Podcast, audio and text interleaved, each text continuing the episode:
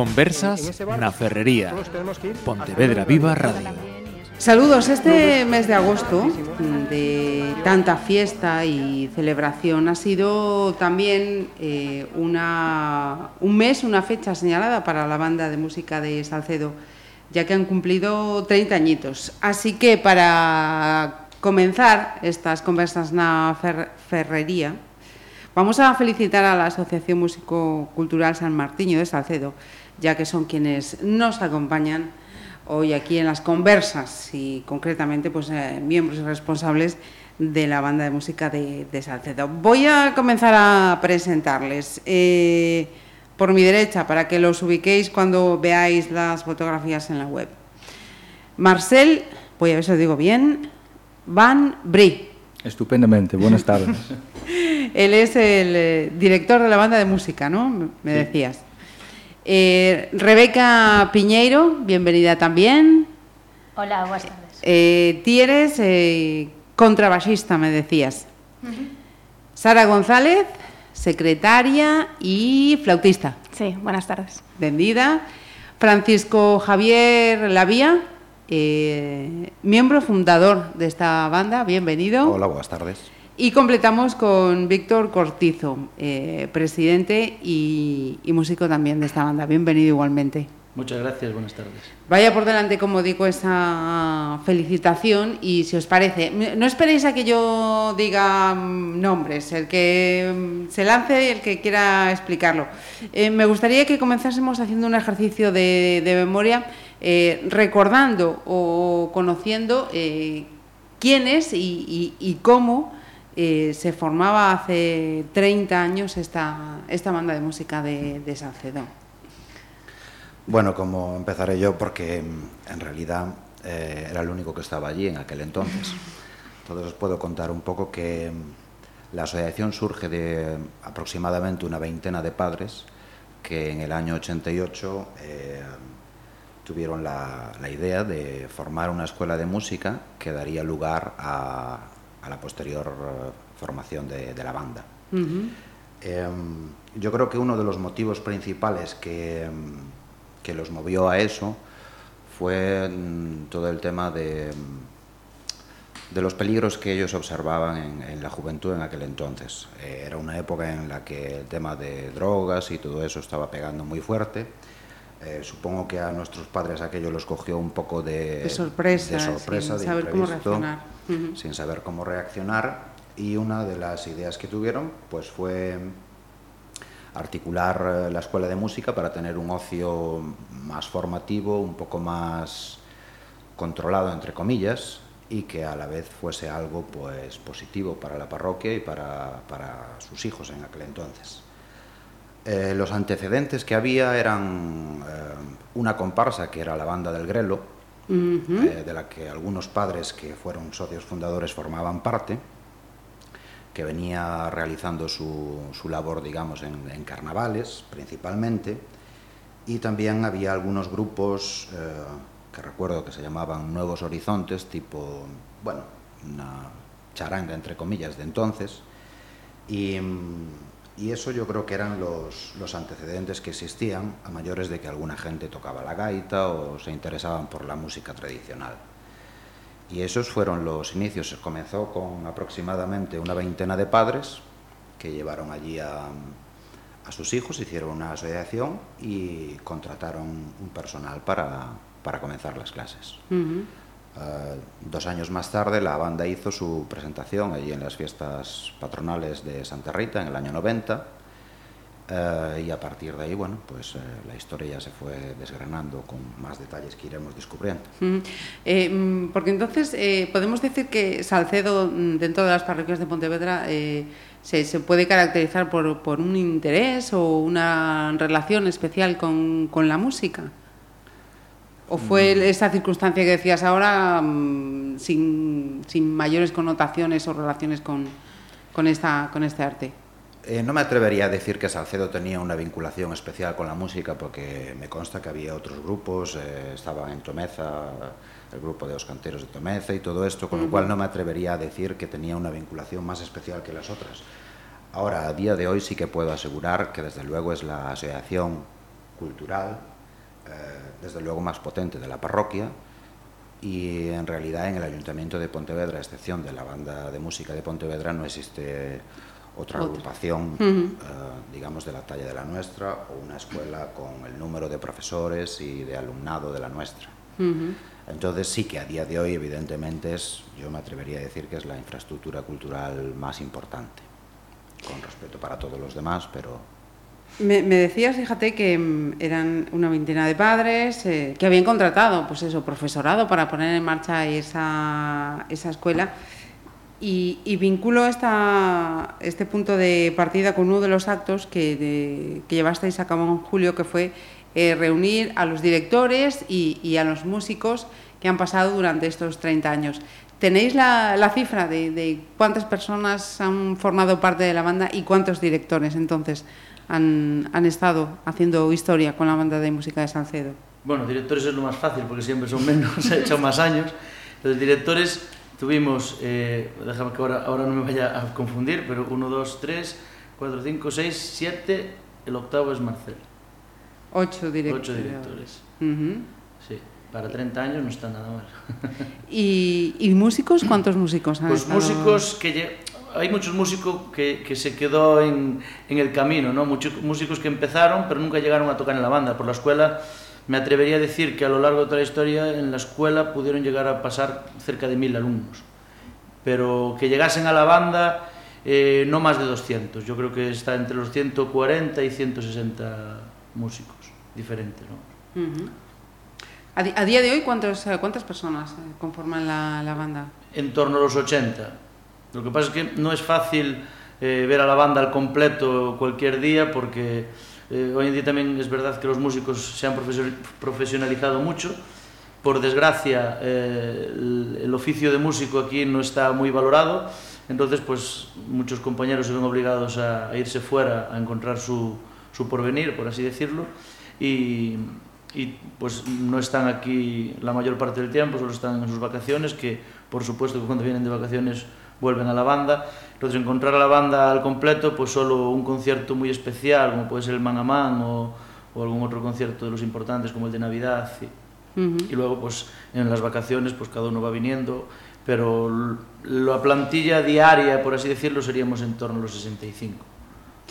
Eh, de los que estamos aquí, eh, Francisco ya, ya me decía cómo, cómo fue su, su entrada en, en, la, en la banda, en la escuela, pero de, los restantes, eh, contadme qué fue lo que os llevó a, este nexo de unión que, que, hoy os sienta en esta mesa.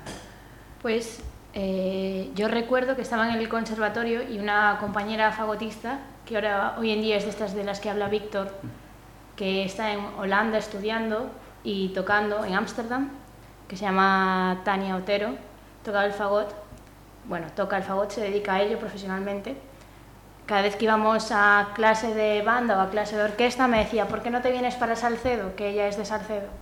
¿Por qué no te vienes a la banda? Y al final acabé yendo, yo soy de aquí de Pontevedra y acabé yendo y aprendí un montón y conocí un montón de gente que hoy en día son mis amigos. Ajá. ¿Y Sara? Sí, bueno, mi historia es un poco parecida a la de Rebeca. Yo también iba al conservatorio desde que era pequeña y, bueno, no hay que olvidarse de la gran labor pedagógica que hacen las bandas con instrumentistas tanto profesionales como aquellos que simplemente es un hobby, digamos. Y nada, todos los profesores nos recomendaban que, fuésemos a tocar una banda, alguna agrupación por lo beneficioso y lo mismo un poco que Rebeca, de donde yo soy no tenemos este tipo de agrupaciones y, también por una amiga que ya tocaba la banda pues al final me acabó convenciendo y trayendo, sí. Uh -huh. y, y, al final nada, llegué hace 10 años. Y hace 10 años hace llevas 10 años, Y Rebeca y por ahí también. Yo llevo 9 años. Uh -huh. Y ya que seguimos. Ajá. ¿Y, ¿Y, Víctor? Pues yo también no soy de Salcedo, aunque sea el presidente de la banda, soy de Xeve. Y nada, empezar a la actividad extraescolar cuando yo estaba en sexto de GB en el colegio pues, de música. Llegó el momento de escoger instrumento, yo escogí el trombón y mi profesor de trombón pues, me dijo no puedes ser trombonista solo, tienes que tocar en una banda. Él también tocaba en la banda de Salcedo y, y, para allí me llevó hace 20 años ya. Caray. Eh, y Francisco, ¿qué, ¿qué, tiene la escuela, la banda, que una vez que se empieza no, no se sale? Tú que eres el más veterano de estas lides. Bueno, eh, antes decía Víctor que habrían pasado 140 personas. Yo no tengo las cifras exactas, creo que tampoco la directiva me parece que tiene una cifra concreta, pero yo me atrevería a decir que son más. eh, porque de los que empezamos al principio quedamos cinco, me parece, y yo creo que la banda se ha renovado más de esas veces. Eso significaría que solo han entrado, que solo han pasado 6, 60 personas más, y yo creo que han sido muchas más. Yo lo pondría un mínimo de 250 personas que han pasado por ahí y que han estado eh, más o menos tiempo. Eh, la razón para que uno se quede, bueno, en mi caso ha sido porque yo finalmente también me dediqué profesionalmente al mundo de la música y bueno, esa ha sido la razón principal. Entre los compañeros que tengo hay, de esos cinco que somos del principio, hay dos también que, que bueno, han dedicado su vida a la música y quizá en esos es la razón principal, aunque hay dos más que, siguen. Pero bueno, eh, una vez que uno ya no es músico, va a estudiar a la universidad, tiene un trabajo, se hace un poco más complicado compatibilizar esto. Y entonces, eh, hasta que uno adquiere ese tipo de compromisos es relativamente sencillo porque el ambiente es muy bueno, hay un gran ambiente de compañerismo, se hacen salidas, uno aprende, uno se forma, eh, es un ambiente completamente sano de, a todos los niveles.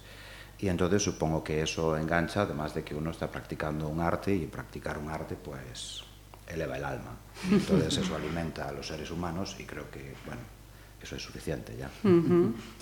y, y, lo de Marcel, cuéntanos, ¿cómo llegas hasta la banda de música? No sé si preguntarte a Pontevedra y luego a la banda de música o, o al revés, como tú quieras. Yo soy el más nuevo, digamos, de, de todos de aquí. Estoy aquí desde hace tres años, ¿no? desde el tercer año. Y llegué aquí a Salcero y después a Pontevedra, digamos. Ajá, primero Salcedo y luego Pontevedra. Bien matizado. Claro.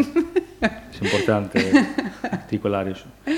Y nada, yo veo también aquí un ambiente eh, eh, musical eh, muy interesante y lo que estaba resaltando Fran del tema de amistades es importante, ¿no? Para que el músico se le interese de, de estar juntos y mantenerlo, digamos, durante eh, tanto, tanto tiempo. Aunque es normal, lo pasa en todas las bandas, que hay mucha gente que tarde o temprano se alejan un poco de... Sobre todo, si se alejan de Salcero en este caso, también se van a alejar de la banda. De la Eso banda. es en, en, Uh -huh. en eh, ¿cómo se llama? Perdón. Estaba Me- buscando la palabra este. Eso es Indudable, ¿no? indurable, Ah, inevitable. Inevitable. porque eh, eh, Marcel, de, de- ¿tú de dónde eres? Yo soy holandés, Holandés. sí. Fíjate, Holanda también tú me señalabas ahí. ¿Qué, qué tiene Holanda con, con la música? Estaba pensando en, en- en otro caso que no, no está aquí, que no tiene nada que ver, pero de repente digo, ¿qué tiene...? O, os inculcan desde pequeños ya esa formación musical, a, a diferencia de lo que, lo que pasa aquí, ¿no? Que quizá que si uno no se busca esa vinculación no, no, no le viene no le viene dada tan fácilmente.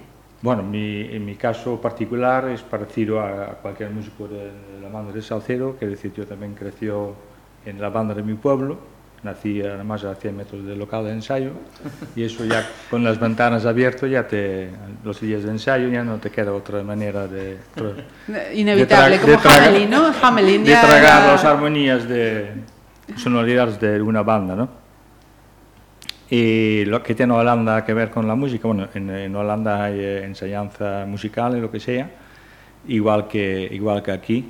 eh, y el mundo bandística, eh, si tal, se, se- se empezó a desarrollar en Holanda un poco antes que, que en España.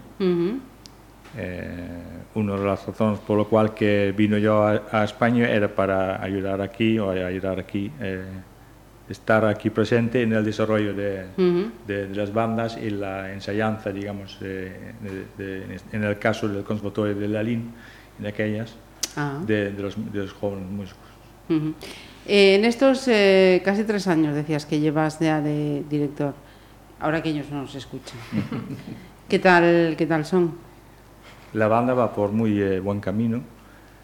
Si tal es eh, el problema, puede ser, si hay uno, es eh, lo que resaltó ya el presidente hace un par de semanas en, en la prensa, es eh, la falta de medios económicos para poder eh, bajar precios de la escuela y comprar instrumentos, mejores instrumentos y comprar instrumentos para que los alumnos puedan, puedan empezar eh, tocar el instrumento que quiere y también el instrumento que la banda necesita en determinados momentos, ¿no? Pues ya que él ha hecho el saque, yo recojo el balón. ¿Cómo está el tema Bueno, sustento económico? al final siempre estamos pidiendo, nos dirían los políticos seguramente, ¿no? Pero eh, sí es verdad que nosotros, a diferencia de otras bandas, gozamos de, de un- de ser la única banda popular de- del Ayuntamiento de Pontevedra. Bueno, aunque la, la banda de música de Pontevedra también es una banda popular, pero no tienen escuela. Entonces nosotros, pues con este convenio que tenemos con el Ayuntamiento de hacer una serie de conciertos, pues no estamos tan tan mal como otras, pero sí que para la escuela no tenemos ningún tipo de ayuda. Entonces, lo que nos obliga es a sacrificar esta, este convenio que, que, la- que el ayuntamiento nos da para la banda, que la banda podría mejorar a nivel instrumental y a nivel compra de repertorio para estrenos inéditos y demás, pues este dinero en lugar de ir a lo que tiene que ir para la banda está yendo a la escuela, para sostener la escuela y que podamos eh, mantener el, profesorado que tenemos. Mm, Creo que mm, me atrevería a decir que en toda Pontevedra y parte de la comarca no hay ninguna escuela de música con, un tan amplio claustro de profesores como nosotros. Tenemos 18 profesores de diferentes especialidades, como no puede ser de otra manera, todo el mundo con su contrato, sus, su seguridad social y todo esto. Entonces, claro, esto hace que, que o cobramos una barbaridad como escuelas de música privadas y, y hacemos que dé beneficios esto, pero no es el fin, ya que somos una asociación sin ánimo de lucro, o eh, pues nos apretamos el cinturón y vamos tirando para adelante, pero siempre perdiendo dinero. ¿no? Entonces, bueno, yo creo que, que las ayudas económicas eh, primeras que se tocan en todos, los, en todos los casos, eh, lo vemos a nivel nacional, cuando hay que tocar algo se toca la educación y la sanidad, ¿no? Pues a nosotros lo de la educación también nos afecta y, y es verdad que hace 10 años que también estaba en la directiva, pues eh, había eh, ayudas de la Xunta de Galicia para educación, en escuelas de música, de la Diputación, de todos lados, hoy en día no existe ningún tipo de ayuda para escuelas de música, lo cual, eh, sí para escuelas de música municipales, lo que parece la controversia, ¿no? Los ayuntamientos sí tienen dinero, ahí sí que ayudan la administración a esas escuelas de música y las escuelas de música de asociaciones sin ánimo de lucro no, no perciben ningún tipo de, de ayuda, lo cual hace un camino cuesta arriba poder llevar eh, la escuela adelante y que siga creciendo a nivel a nivel alumnos, ¿no? Porque hoy en día eh, la competencia entre una escuela privada y nosotros es, el- o sea, la, la- competencia era la económica. Hoy es muy difícil competir, más que nada porque nosotros estamos en Salcedo y ellos están en Pontevedra. Si un chico de, de la calle Benito Corval quiere ir a música, mm, si su padre lo tiene que llevar a Salcedo, por Igual 5 se lo euros más lo lleva a una escuela de Pontevedra y ya está. Entonces, esto nos complica bastante, aunque hoy en día no nos podemos quejar que tenemos un buen número de alumnos, estamos en los 200 alumnos, pero yo creo que podríamos tener muchos más por la calidad de profesores y de enseñanza que tenemos si no fuese porque nos obliga a que las tarifas sean un tanto elevadas. ¿no? Eh, porque mm, quien nos esté escuchando y diga, bueno, sea, sea adulto y quiera apuntarse él o, o tenga un hijo y quiera, quiera anotarse, ¿qué, qué requisitos son necesarios? ¿Hay un límite mínimo de, de edad? ¿Hay que tener unos conocimientos mínimos de, de música? ¿Cómo, No, cómo para está nada. Nosotros eh, tenemos disciplinas desde niños que apenas hablan y ya empiezan con lo que llamamos música y movimiento, que es el primer contacto con, el ritmo, con los sonidos, para iniciarse desde bien pequeños en la música, hasta tenemos clase de lenguaje musical para adultos, personas que se jubilan y quieren ocupar su tiempo libre con algo, que tenemos un, un alumno de setenta y tantos años de clarinete y otro de saxofón, alumnos de canto de, de también más mayores todavía, y bueno, o sea, la escuela abarca desde niños que empiezan a hablar hasta personas que están en el ocaso de su vida, o sea que no hay ningún tipo de límite. Con respecto a lo que tú decías antes, lo que nosotros hacemos es un patrimonio inmaterial y como tal está, es poco visible y siento decirlo así, pero a la política no le interesa nada. Entonces yo quería poner eh, de relieve que Pontevedra no tiene una escuela municipal. Eh, algunas de las escuelas hacen la, la función de escuela municipal. Nosotros tenemos un convenio que es un convenio de más de 30.000 euros que no llegaría para pagar el sueldo del director de la escuela municipal, con lo cual esto es un chollo, y lo tengo que decir así. Porque yo trabajo también en el conservatorio, el conservatorio tiene un claustro de 64 profesores y la Escuela de Música de Salcedo tiene un tercio, con una capacidad económica muchísimo menor. El conservatorio tiene 600 alumnos y la escuela tiene 200, con lo cual sigo manteniendo que es un chollo para algunos, ¿no? Eh, les interesa más hacer contenedores culturales, tipo centros culturales, o por ejemplo la Ciudad de la Cultura, que se han enterrado ahí cientos de millones, que dotar de contenido a lo que ya hay y apoyarlo. Porque claro, cada uno se lleva en su cabeza lo que aprende. No se queda un edificio allí que se puede cortar una cinta, inaugurar y todo el mundo lo ve, ¿no? Entonces, esta es una de las cosas. En otros lugares, incluso de la geografía española, existen redes de escuelas de música bien financiadas, tanto a nivel autonómico como a nivel municipal, porque aquí la red de escuelas de la Junta, como bien decía Víctor, no está, o yo lo entiendo así, no está suficientemente bien financiada. Eh, se rige por una ley que es del año 93, o sea que no existían ni las nuevas tecnologías ni Internet apenas, por lo menos a nivel de usuario, y seguimos, seguimos en las mismas. Entonces se hace una labor que ni siquiera las instituciones oficiales hacen, porque el conservatorio no coge niños de tres años. Cierto. Por lo tanto, se está cubriendo una, una oferta amplísima y desde mi humilde opinión entiendo que no se está apoyando lo suficiente porque nosotros tenemos que dilapidar nuestro presupuesto, que debería ser para actividades de la banda, compra de instrumental, formación bandística, en mantener la escuela para que no haga que tenga unos precios insostenibles y que sea privativo para la mayoría de la gente.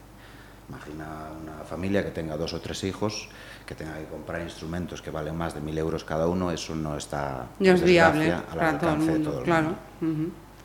Eh, en, vuestro caso, eh, supongo que eh, aprovechando que ya teníais esa formación en el conservatorio, os fue más, más fácil el, acceso ¿no? a, a, la escuela y a la banda. A mí sobre lo que decían antes me gustaría también recalcar que hace unos años, desde pocos años aquí tenemos una casa de cultura que también hemos tenido nosotros que luchar por ella y nos ha costado es un montón. Recuerda además, ¿no? Que habíais reclamado, habíais hecho una campaña importante para tener un lugar. Campañas, sí, sí. Eh, entrevistas también de este estilo. También hicimos varios flash mobs, pusimos pancartas, movimos mucho personal para que se diera cuenta de Pontevedra de que esto estaba ocurriendo y que la banda cada vez crece más, que a todo el mundo le gusta ir a ver la banda, que todo el mundo quiere también escolarizar en una escuela de música a sus hijos, pero que se necesitan medios, tanto medios económicos como también eh, edificios que puedan mantener eh, a estas personas.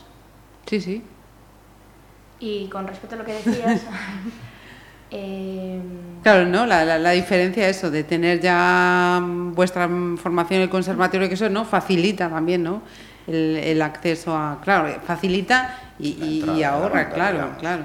Luego hay otra dificultad que es el nivel profesional. Uh -huh. uh, es muy difícil vivir aquí profesionalmente de la música, uh -huh. a no ser de que uno esté en una institución, bien sea un centro como un conservatorio, un instituto, una banda municipal, pero es muy difícil llevar una carrera, digamos, ya no voy a decir solística, pero un poco freelance eh, aquí en Galicia. Uh -huh. Tenemos después festivales en los que, vuelvo a utilizar la palabra, se dilapidan millones de euros. Eh, por ejemplo, te cuento una anécdota. En, eh, en, uno de los festivales que se hace por allí, por la zona de Foz, uh -huh. se le ofreció a un grupo 100.000 euros por participar y a sus teloneros, que no eran mucho peores, se le ofreció 450 euros por participar. Entonces eso da una idea de un poco en qué estamos eh, gastando el dinero y de qué manera. Uh -huh. ¿De acuerdo? Eh, entonces, bueno, pues como te digo, es, es, muy difícil hacerse profesional aquí. Por eso muchos de los miembros de la banda o tienen que ir a estudiar afuera o finalmente tienen que desarrollar sus carreras en otros sitios hasta que, bueno, finalmente pueden venir uh -huh. o no. Ajá.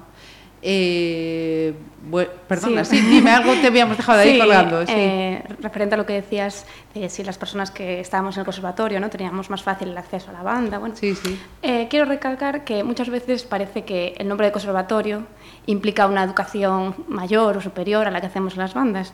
Y para nada, porque la escuela de música tiene un nivel eh, educativo muy alto. Profesor, los profesores de la Escuela de Música tienen las mismas titulaciones que los profesores de conservatorio y la educación es muy pareja. El nivel de un curso de la Escuela de Música es muy similar a la del conservatorio.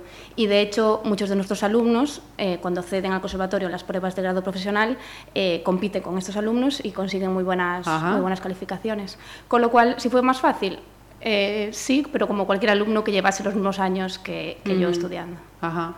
Eh, me, me, refería también, pe, pensaba, ¿no? una forma también muy, muy limitada con estas explicaciones que me habéis dado. Claro que eh, en vuestro caso, entrar a la escuela de música, me, me imagino que ya teníais pues eso, el instrumento, ciertos requerimientos materiales sí. que ya de, de entrada uno que no tenga nada y vaya a la escuela, pues puede ahorrar, ¿no? Y volvemos a lo que, a lo que decía Francisco, ¿no? Eh, de alguna manera ya ahorran ese gasto a, a lo que debería invertirse re, realmente. No todos los alumnos compran su instrumento. Uh -huh. ¿eh? No todos compran su Explícame todos. eso. Casi todos. todos sí. eh, la banda tiene un parque de instrumentos, bueno, pequeño, eh, de instrumentos que a veces son muy costosos, uh -huh. tipo pues, tubas, fagotes, que claro, si tú le dices a un padre que se tiene que gastar 10.000 euros Claro, de entrada, de entrada no, no, es viable, eh, claro. sí, sí, va eso. Entonces, esa necesidad de instrumentos costosos se cubre con el parque de instrumentos o instrumentos eh, que la banda es un poco deficitaria y entonces uh, se les da ese instrumento para precisamente animarlo y que no tengan que hacer ese, ese gasto, gasto en, mm. en, un primer lugar. Pero sí. el resto, todo el mundo y los instrumentos de percusión, digamos que como son muchos, pues no cada uno tiene el suyo, se, se comparten. El resto cada uno compra su instrumento y hace el desembolso económico, tanto ellas que venían uh -huh. externamente, que estaban en el conservatorio, como los, los niños de la escuela, todos tienen que uh -huh. hacer su... Claro, me, me, refería a eso, ¿no? que eh, ellos ya digamos que, que aportan un, un valor al, a, la, a la escuela, que para la escuela sería inasumible tener que costear todos y cada uno de... Uh -huh de los, de los instrumentos necesarios para, para, la banda. Además, los niños que entran en la banda de música muchas veces ya provienen de la banda de música juvenil que hay también Ajá. y banda de música infantil. Entonces, ya tienen ya una viene carrera, con ese ya tendrían bagaje. sus instrumentos mm. que han necesitado anteriormente. Uh -huh. eh, ¿Cómo es la labor del DIRE? Yo le pregunté antes cómo erais vosotros, ahora hago la pregunta a la inversa. Sí, a veces complicada, ¿no? Porque, claro, eh, lo que decíamos, eh, en verano somos muchos porque por, bueno, tenemos más facilidad para acudir todos a los ensayos, ¿no? Entonces la labor es más sencilla, imagino, ¿no? Bueno, él lo dirá.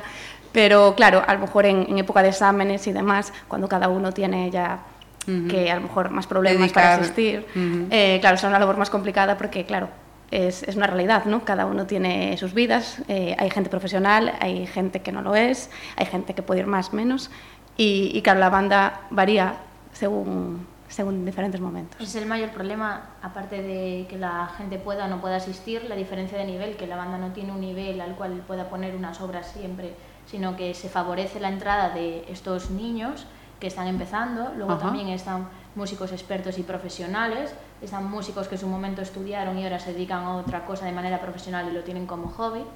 Entonces es muy complicado mantener un, un tipo de obra o un tipo de nivel. Uh -huh. Hasta... Porque los que estáis en la banda, eh, ¿cuánto tiempo dedicáis eh, a la semana a, a preparar conciertos, repertorios? El que más es el director.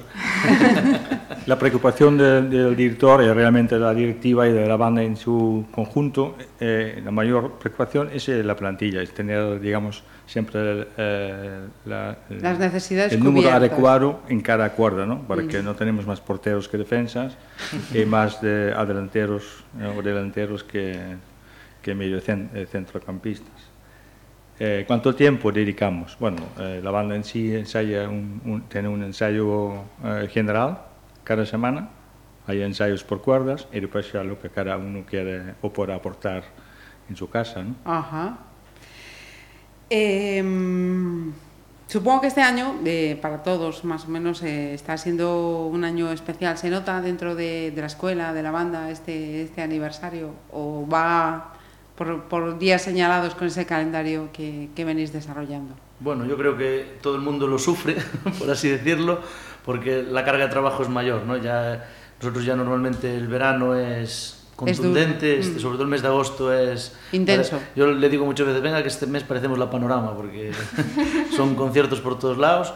Y, y, bueno, pues este año más, ¿no? Con el aniversario pues hacemos, queremos hacer, hacernos ver más, hacer cosas diferentes, entonces lo cual obliga también a un mayor número de ensayos porque hay que montar repertorios nuevos y en mucho, mucho menos tiempo porque pues el domingo hemos hecho el concierto este con Mocedades que fueron 20 canciones y que nunca más vamos a tocar y que hemos montado para ese día pues con ensayos extra, ¿no? Uh -huh. Luego tenemos otros conciertos que hay que montar repertorio también. Entonces, bueno, pues yo creo que sobre todo en el trabajo todos lo hemos notado, lo estamos notando bastante, ¿no? Lo -huh. de este año. Ya, ya, que señalas lo de Mocedades, ¿cómo, cómo fue ese, ese concierto? Fue un concierto interesante en la que tuvimos en la, en la Plaza de España, en un gran escenario del cual todos estamos muy contentos por tocar allí, porque siempre hemos tocado la, eh, la herrería, también en el Teucro, Ajá. nunca habíamos tocado en un gran escenario en la, en la Plaza de España en Pontevedra, sí en otras ciudades, pero no en Pontevedra y la verdad es que fue una experiencia diferente y muy alegre. Sí, nada, lo que decía Rebeca, que es una oportunidad de tocar en otros lugares, no con tanta gente, tanto público, y que sería maravilloso que viniesen también a partir de ahora, los mismos uh -huh. que vinieron a ver a Mocedades, a todos nuestros conciertos, quedan uh -huh. invitados, y nada, una oportunidad diferente. Uh -huh. Es una manera también de hacerle de visibilizar, ver a, ¿no? Sí, y al público que no acostumbra a venir, porque se cree que las bandas de música es música a lo mejor para gente mayor o música que está obsoleta, pues es una manera de reclutar de alguna manera a esa, esa gente y que vea que una banda de música se tocan diferentes estilos musicales, desde pasodobles hasta bandas de sonoras de películas hasta mocedades. Uh -huh. Yo, siguiendo un poco con lo que dicen ellas, yo creo que eh, bueno, y un poco lo que decía Marcel antes también, yo creo que aquí lo que nos falta todavía es un poco de cultura musical, ya no solo a nivel de los propios músicos, sino a nivel de, de la de ciudadanía. ciudadanía. ¿no? Eh, la cultura musical que tenemos aquí es de, está, está un poco todavía eh, en estado eh, lactante, yo creo. ¿no? No hace falta ir muy lejos. Yo, un, un concierto que, que a veces sigo por internet, que todos los años lo hacen, es la Banda Sinfónica Portuguesa, una banda prácticamente profesional de Oporto, que hace un concierto siempre por las fiestas de Oporto, es el concierto más multitudinario de las fiestas. Eh, si conocéis Oporto, la Avenida de los Aliados es la avenida más, más grande de Oporto, debe tener pues desde un poco casi como la Gran Vía de Vigo, una cosa así, uh -huh. y ponen en lo más alto de la avenida un escenario como el de la Plaza de España, con la banda sinfónica portuguesa, y se llena toda la avenida de gente, pues pueden ser unas 50 o 60 mil personas viendo el concierto de la banda sinfónica portuguesa. Para mí un sueño sería que un día eh, en Pontevedra, por, el, por un, ya no digo que sea el día de la peregrina, pero un día en Pontevedra, en la Plaza España, montasen ese escenario para que tocase la banda de música de Salcedo sola y que hubiese pues gente hasta, hasta la Plaza de la Peregrina casi para verlo. Entonces sería que la cultura musical va creciendo, va, ¿no? va mm, creciendo. Cogiendo. Eh, a raíz de, de, lo que estabas diciendo iba a preguntarte algo. Sí, ahora. Eh, la, la, respuesta, hablábamos de, de, la cultura musical de la ciudadanía, pero eh, la empatía, la disponibilidad, eh, la proximidad con la banda de música, ¿notáis que, que la ciudad, eh, vamos a decirlo de forma coloquial, os quiere, os apoya, os respalda? Sí, yo creo que sí. Yo creo que eh, también no todo va a ser darle latigazos a, la ciudadanía. ¿no? Yo llevo bastantes años ya en la banda y desde los primeros, sobre todo un concierto que llevamos haciendo desde siempre y puede marcar un poco cómo fue creciendo ese, esa cultura musical en Pontevedra. Eh, empezamos con el concierto de, de, Navidad en el año 97, si mal no recuerdo, en el Teatro Principal. Es un concierto tradicional, uh -huh. cuadre, el día que cuadre siempre es el 23 de diciembre y al prim los primeros años no se llenaba ni el Teatro Principal. En el año 2007, o sea, 10 años después de empezar a hacerlo, eh, tuvo que venir la policía local del Teatro Principal porque había peleas para poder coger sitio en el Teatro Principal para el, para el concierto. En el año 2011 decidimos cambiarlo al Pazo de Cultura y hoy en día se llena el Pazo de Cultura para ver mm, el, concierto de Navidad de la banda de Salcedo. Entonces, sí es verdad que la cultura musical ha, ha crecido mucho, ¿no? Y luego también otro concierto que hoy ya es una tradición en Pontevedra, el Man a Man, entre la banda de música de Salcedo y la de Pontevedra, empezó en torno al año 2005 2006, no, por ahí, creo que fue en el 2006, en la Plaza de la Peregrina, eh, el domingo, un domingo por la mañana de las fiestas, y cabía bien toda la gente mm. en la Plaza de la Peregrina sobradamente. Hoy en día es en la herrería y, y bien llena que está. O sea que yo creo Poco que a poco. poco a poco vamos eh, ganando adeptos. Fíjate, con, con esta cuestión y haciendo un paralelismo, mm, eh, Pontevedra cuando comenzó a hacer su festival de jazz, pues la ciudadanía no, no, no tendría esa proximidad, conocimiento, gusto, ¿no? ¿no? Por, el, por el jazz, el soul y este tipo de, de ritmos. Sin embargo, es, es un festival que ha ido creciendo cada año y que ha hecho que, que la ciudadanía pues, Mm. se acerque a ese estilo de música. Otra de las cosas que nos faltaría sería, por ejemplo, pues eso, hacer un certamen año a año y que... No, No. explícame, Francisco. Como te decía antes, es la tradición de los grandes eventos. Eh, a mí no me interesaría tanto eso como que haya una actividad constante que le permita a la gente desarrollar su carrera día a día. Es decir, de nada nos vale hacer Osondo Camino y gastarnos dos millones y medio de euros, hacer el Resurrection, que es el ejemplo que yo te contaba antes, y pagarle a un grupo local 450 euros y que un grupo de fuera se lleve 100.000 euros. De nada nos vale hacer un festival de jazz que se llena, pero en el resto del año mm, a nadie le sale rentable hacer un concierto de jazz, por ejemplo, en un local, o los músicos no son bien pagados.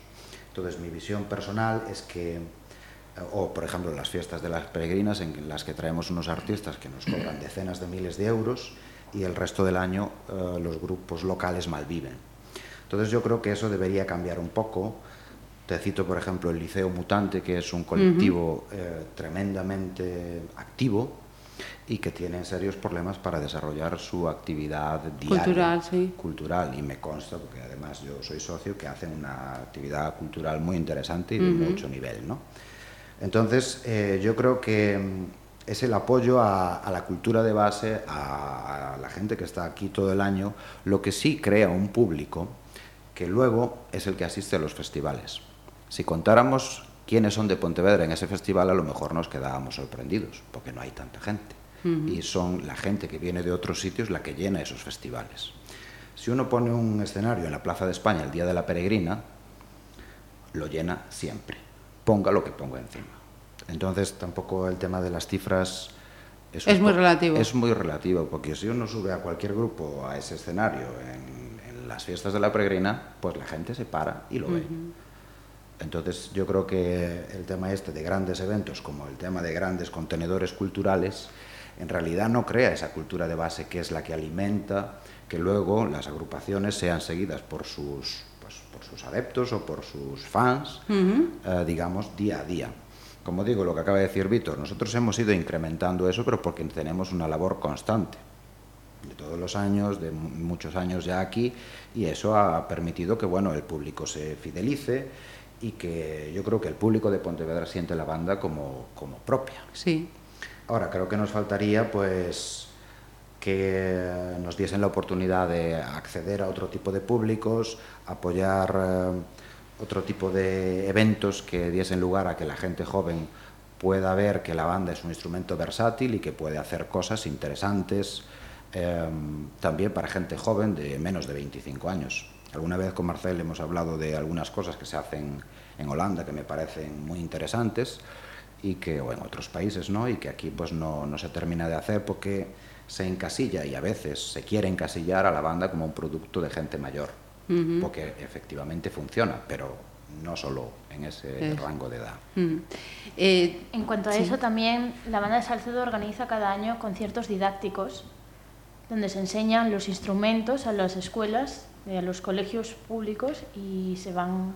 ¿Es en el teatro principal o es en el- Organizada. Organizada, porque ya no tenemos el apoyo para hacerlo. pues, se organizaba. queda, queda dicho. Hace tres Verbo años en que pasado. ya- hace tres años que ya Mm. esta iniciativa se perdió, porque Mm.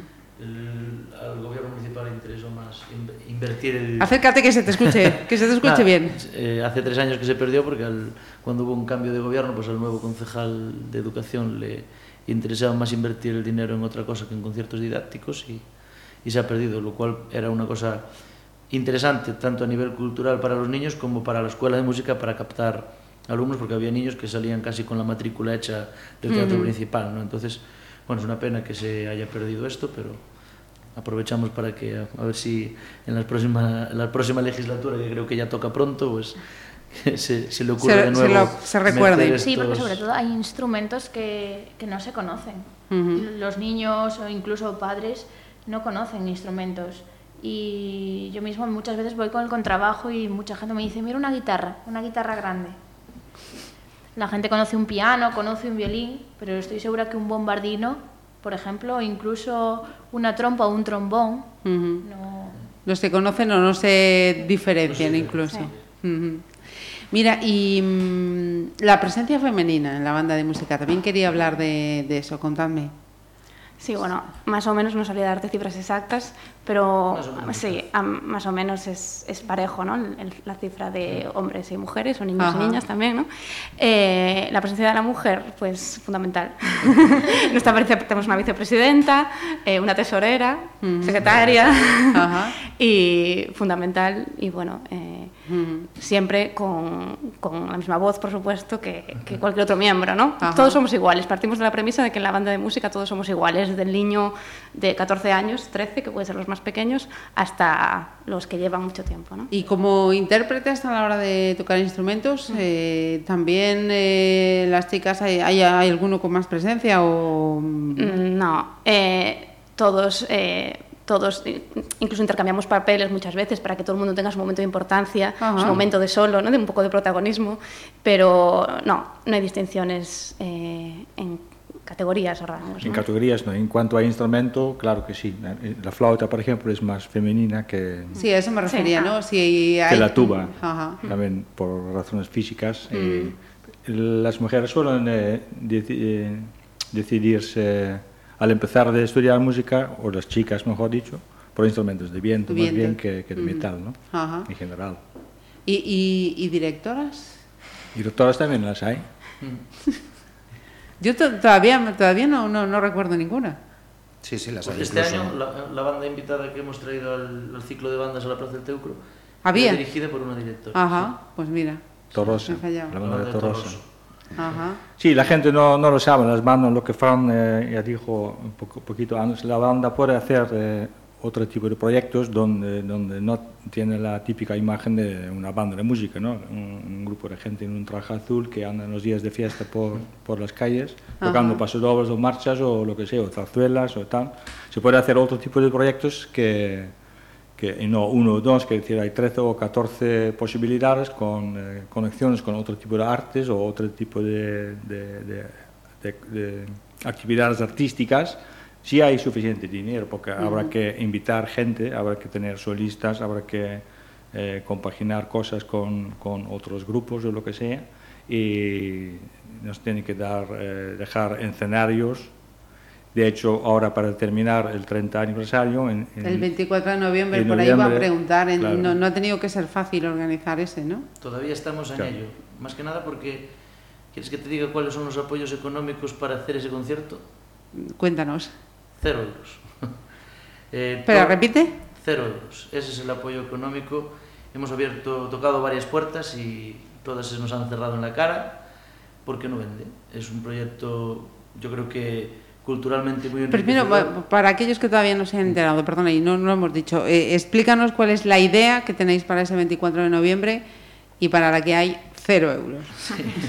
Bueno, lo que queremos hacer es que para una no es una ópera, pero bueno, podría entrar en la línea de una ópera, ¿no? Es Carmina Burana, que es una, una composición pues pensada para, o sea, compuesta originalmente para orquesta con coro y, y, bueno, pues nunca antes en Pontevedra sí se ha hecho Carmina Burana alguna vez, en, en Coruña muchas más, y, y nunca una banda de música popular había hecho Carmina Burana entera en un auditorio con un coro semiprofesional, ¿no?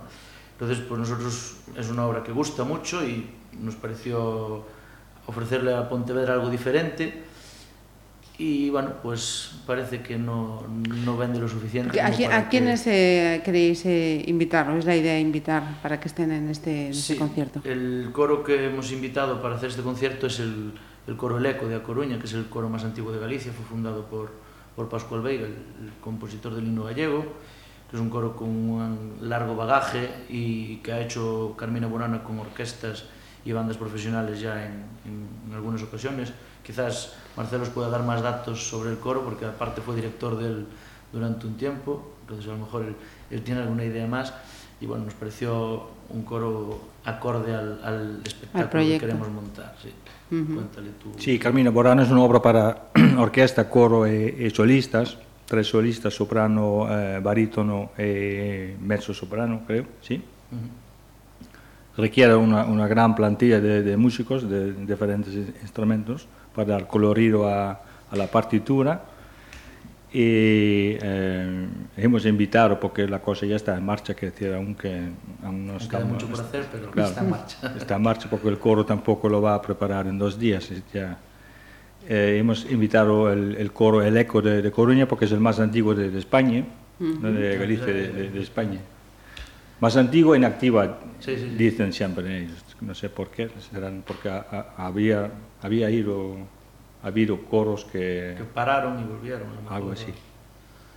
Y este coro ya tiene mucha experiencia porque desde hace ya mucho tiempo, muchos años, eh, están acostumbrados de, de, cantar óperas con orquestas. Uh -huh. Antiguamente, por, por toda España no, pero por el norte de España, digamos, hizo la función hace 30, 40 años que tiene ahora el Orfeón de Donostia, uh -huh. que es un coro profesional, pero el coro... Eh, el ECO es eh, semi-profesional, más bien de, de, amateurs, con un par de profesionales, pero hace 30, 40 años era costumbre de, de, de hacer, de cantar óperas uh -huh.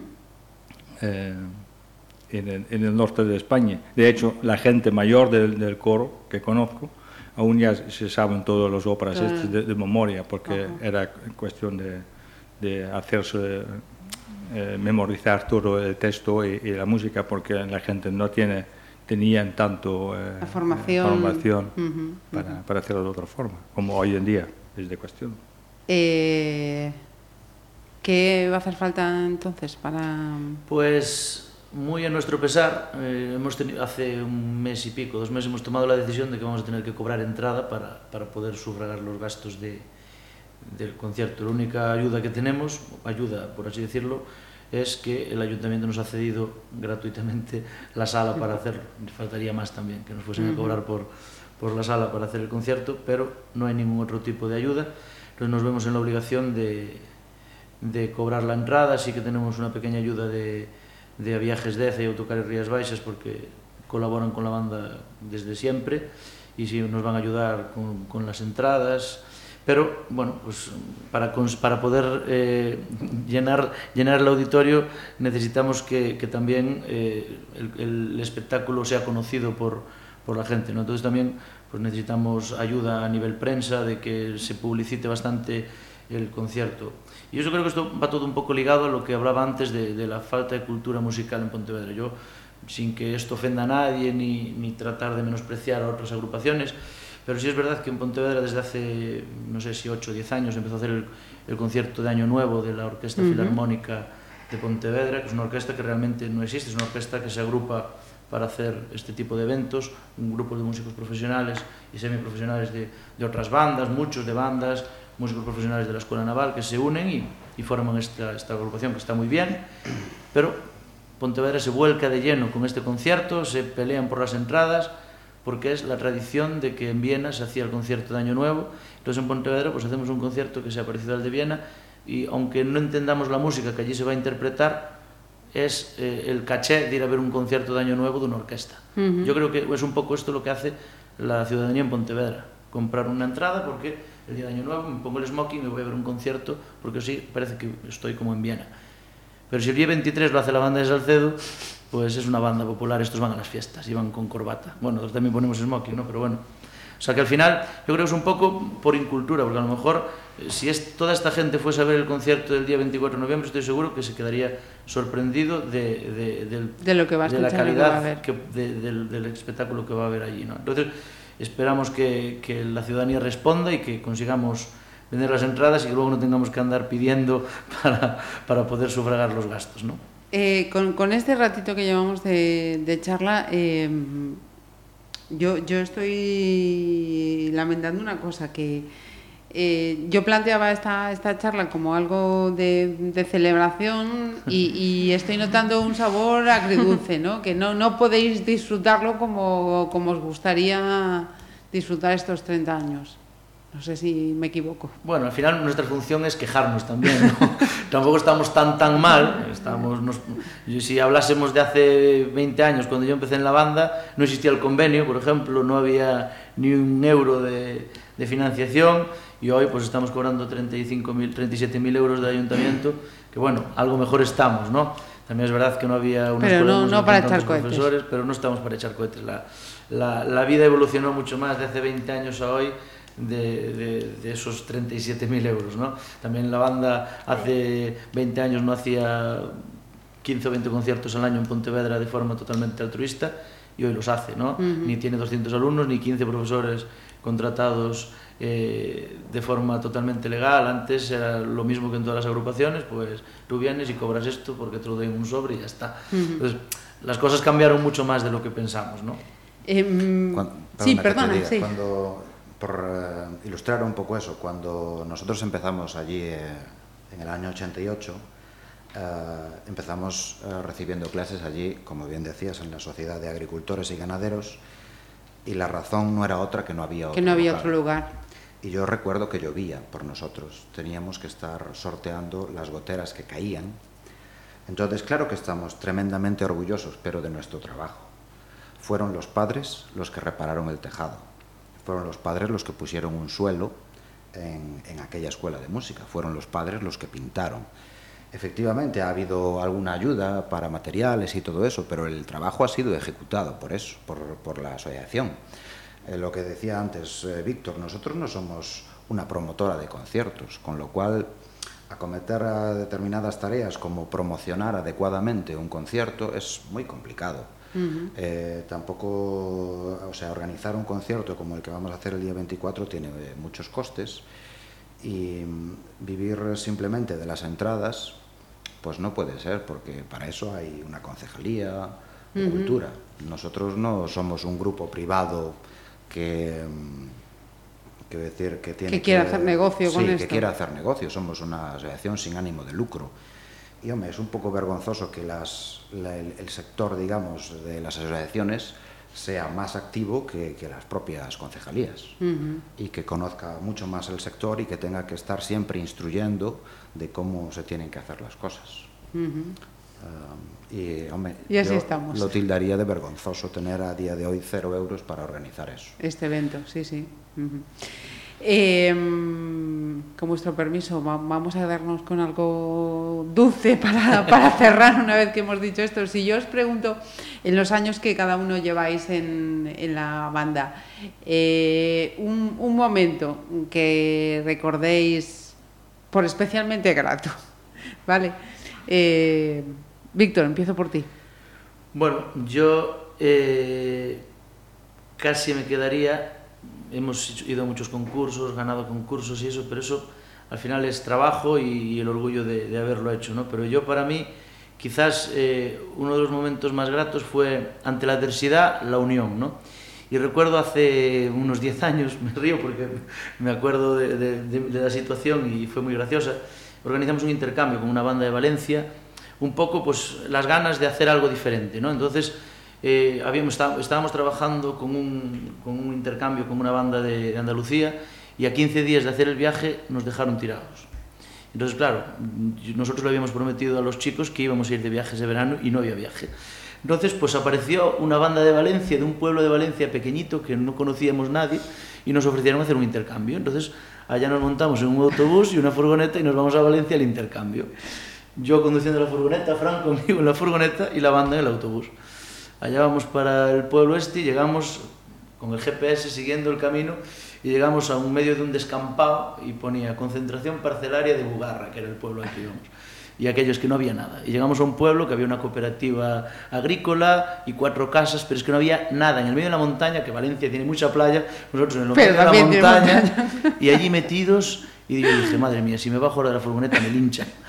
Y yo creo que fue uno de los viajes en los que mejor nos lo pasamos, porque ante la adversidad nos unimos y todos juntos, pues nos fuimos a bañar a un río que estaba lleno de moscas, nos comíamos bocadillos pequeños porque había hasta poca comida, pero nos lo pasamos tan tan bien que fue, yo creo que creó una unión muy grande entre los Músicos que hoy en día, por el cambio social, que eso daría para un debate de 4 o 5 horas, el cambio social que hay en los, con los niños, sobre todo con los móviles, uh -huh. pues no se crea ese nexo de unión que se creó en ese viaje, que yo creo que fue una unión muy grande para, para la banda y lo recuerdo muy, muy gratamente, uh -huh. ese, ese viaje.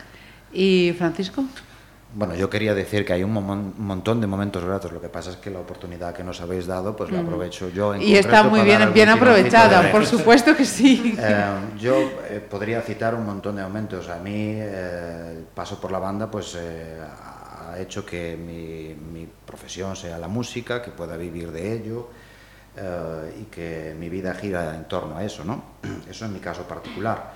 Luego, pues toda la unión que se da en, entre los miembros, todo mm, el aporte social que se hace. Como decían ellas antes, si uno ve fotografías de los años 70 de las bandas aquí, no es posible ver una mujer.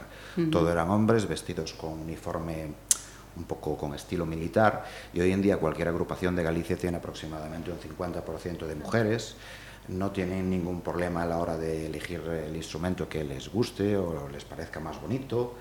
Um, me causa, um, me es muy grato ver a los niños cuando empiezan en su primer día de actuación, que el traje son pequeños hombrecitos o mujeres en un traje que no se han puesto nunca, que no, no están acostumbrados a esa ropa, probablemente ese día pues no aporten mucho porque los nervios eh, no saben qué es lo que va a ocurrir.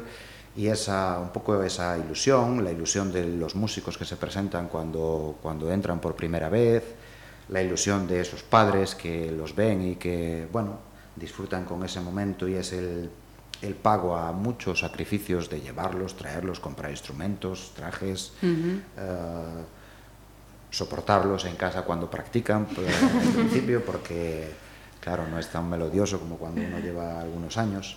Bueno, es un montón de, de pequeños momentos que sí, con el paso de los años uno va reuniendo uh -huh. y, y, desde luego el balance es positivo.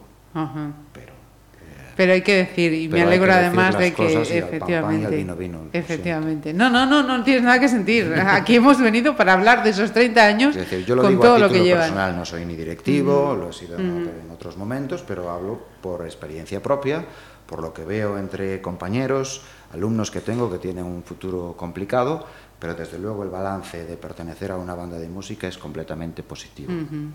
Sara, Sí, bueno, yo creo que todo lo que implique acciones colectivas, ¿no?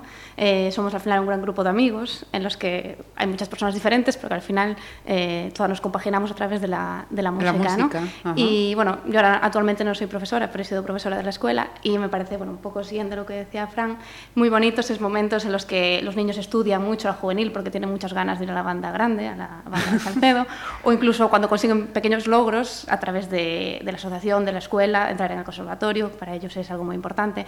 Entonces, esos pequeños logros, esa, esa ilusión, eh, el primer día de los niños de clase de música y movimiento es, una, es increíble, uh -huh. porque se sorprenden con la música, a todos les llama la atención. Y bueno, todo lo que tenga que ver con, con al final disfrutar de la música, pero en el colectivo que se ha formado Ajá. a lo largo de 30 años. Uh -huh. ¿Y Rebeca? Yo no podría decirte tampoco ningún momento así en concreto. Sí que es verdad que cuando hacemos certámenes y participamos en ellos y ganamos, pues es una alegría tremenda después de todo el esfuerzo y dedicación que todos llevamos. Es verdad, yo también que he estado fuera, viviendo fuera y he venido solo muchas veces en, vacaciones en concreto, pero básicamente yo creo que es lo que han dicho ellos, los pequeños pasos, pequeños logros y sobre todo ver lo que uno aprende a nivel propio, los valores que, que la banda aporta que te das cuenta cuando miras atrás que aprendes de compromiso, aprendes de organización, de dedicación, de trabajo, aprendes uh -huh. una serie de valores que te da la banda y la música. Recuerdo también una vez que hacíamos los pasacalles y cuando empezaban los niños pues no sabían andar a, a pasacalles y fuimos allá a la iglesia de Salcedo a todos aprender a andar a pasacalles y con el ritmo y el pie que se tiene. Entonces, Ajá. son muchos momentos graciosos o cuando pintamos la asociación, que la pintamos nosotros, y muchos momentos para recordar y muchos mm. valores que hemos ganado, yo creo. Ajá. Seguro, seguro que sí, sin duda alguna. Y Marcel, ¿así algún momento que, que te lleves contigo especialmente de, de Sí, bueno, lo de pintar es mañana si alguien si alguien se siente llamar. ¿O no? Sí, sí. bueno, Hecha muy... la convocatoria. Claro. Es muy fácil de, de, de pasarlo bien con, eh, con, esta gente, con la banda del Salcero. Eh, casi no se nota que está, se, se está uno trabajando, digamos. Y momentos eh, bonitos, eh, hay, como, como, dicen todos, hay muchos. Siempre es bonito cuando un concierto ha salido bien, importante para el director y para la asociación, para la banda. Es el momento cuando entran gente nueva en, en la banda porque es la sangre que necesitamos para poder, para poder eh, ir adelante en, en, los próximos eh, meses o años o lo que, lo que sea. Uh -huh. Pues eh, seguiremos, seguiremos hablando a ver qué, pasa con, ese acto del, día 24 y a ver si se, si se remueven eh, algunas, eh, no sé si decir conciencias, pero sí departamentos públicos, que es lo que, lo que interesa también. Y agradeceros eh, pues que nos hayáis dedicado este ratito y os hayáis acercado aquí hasta, hasta Pontevedra Viva Radio. Muchas gracias. Gracias. Gracias. Que salieron solo dos toros potables que fueron los que le a Juan del Álamo con la semilla.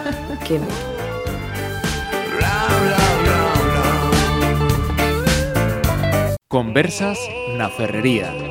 Pontevedra Viva Radio.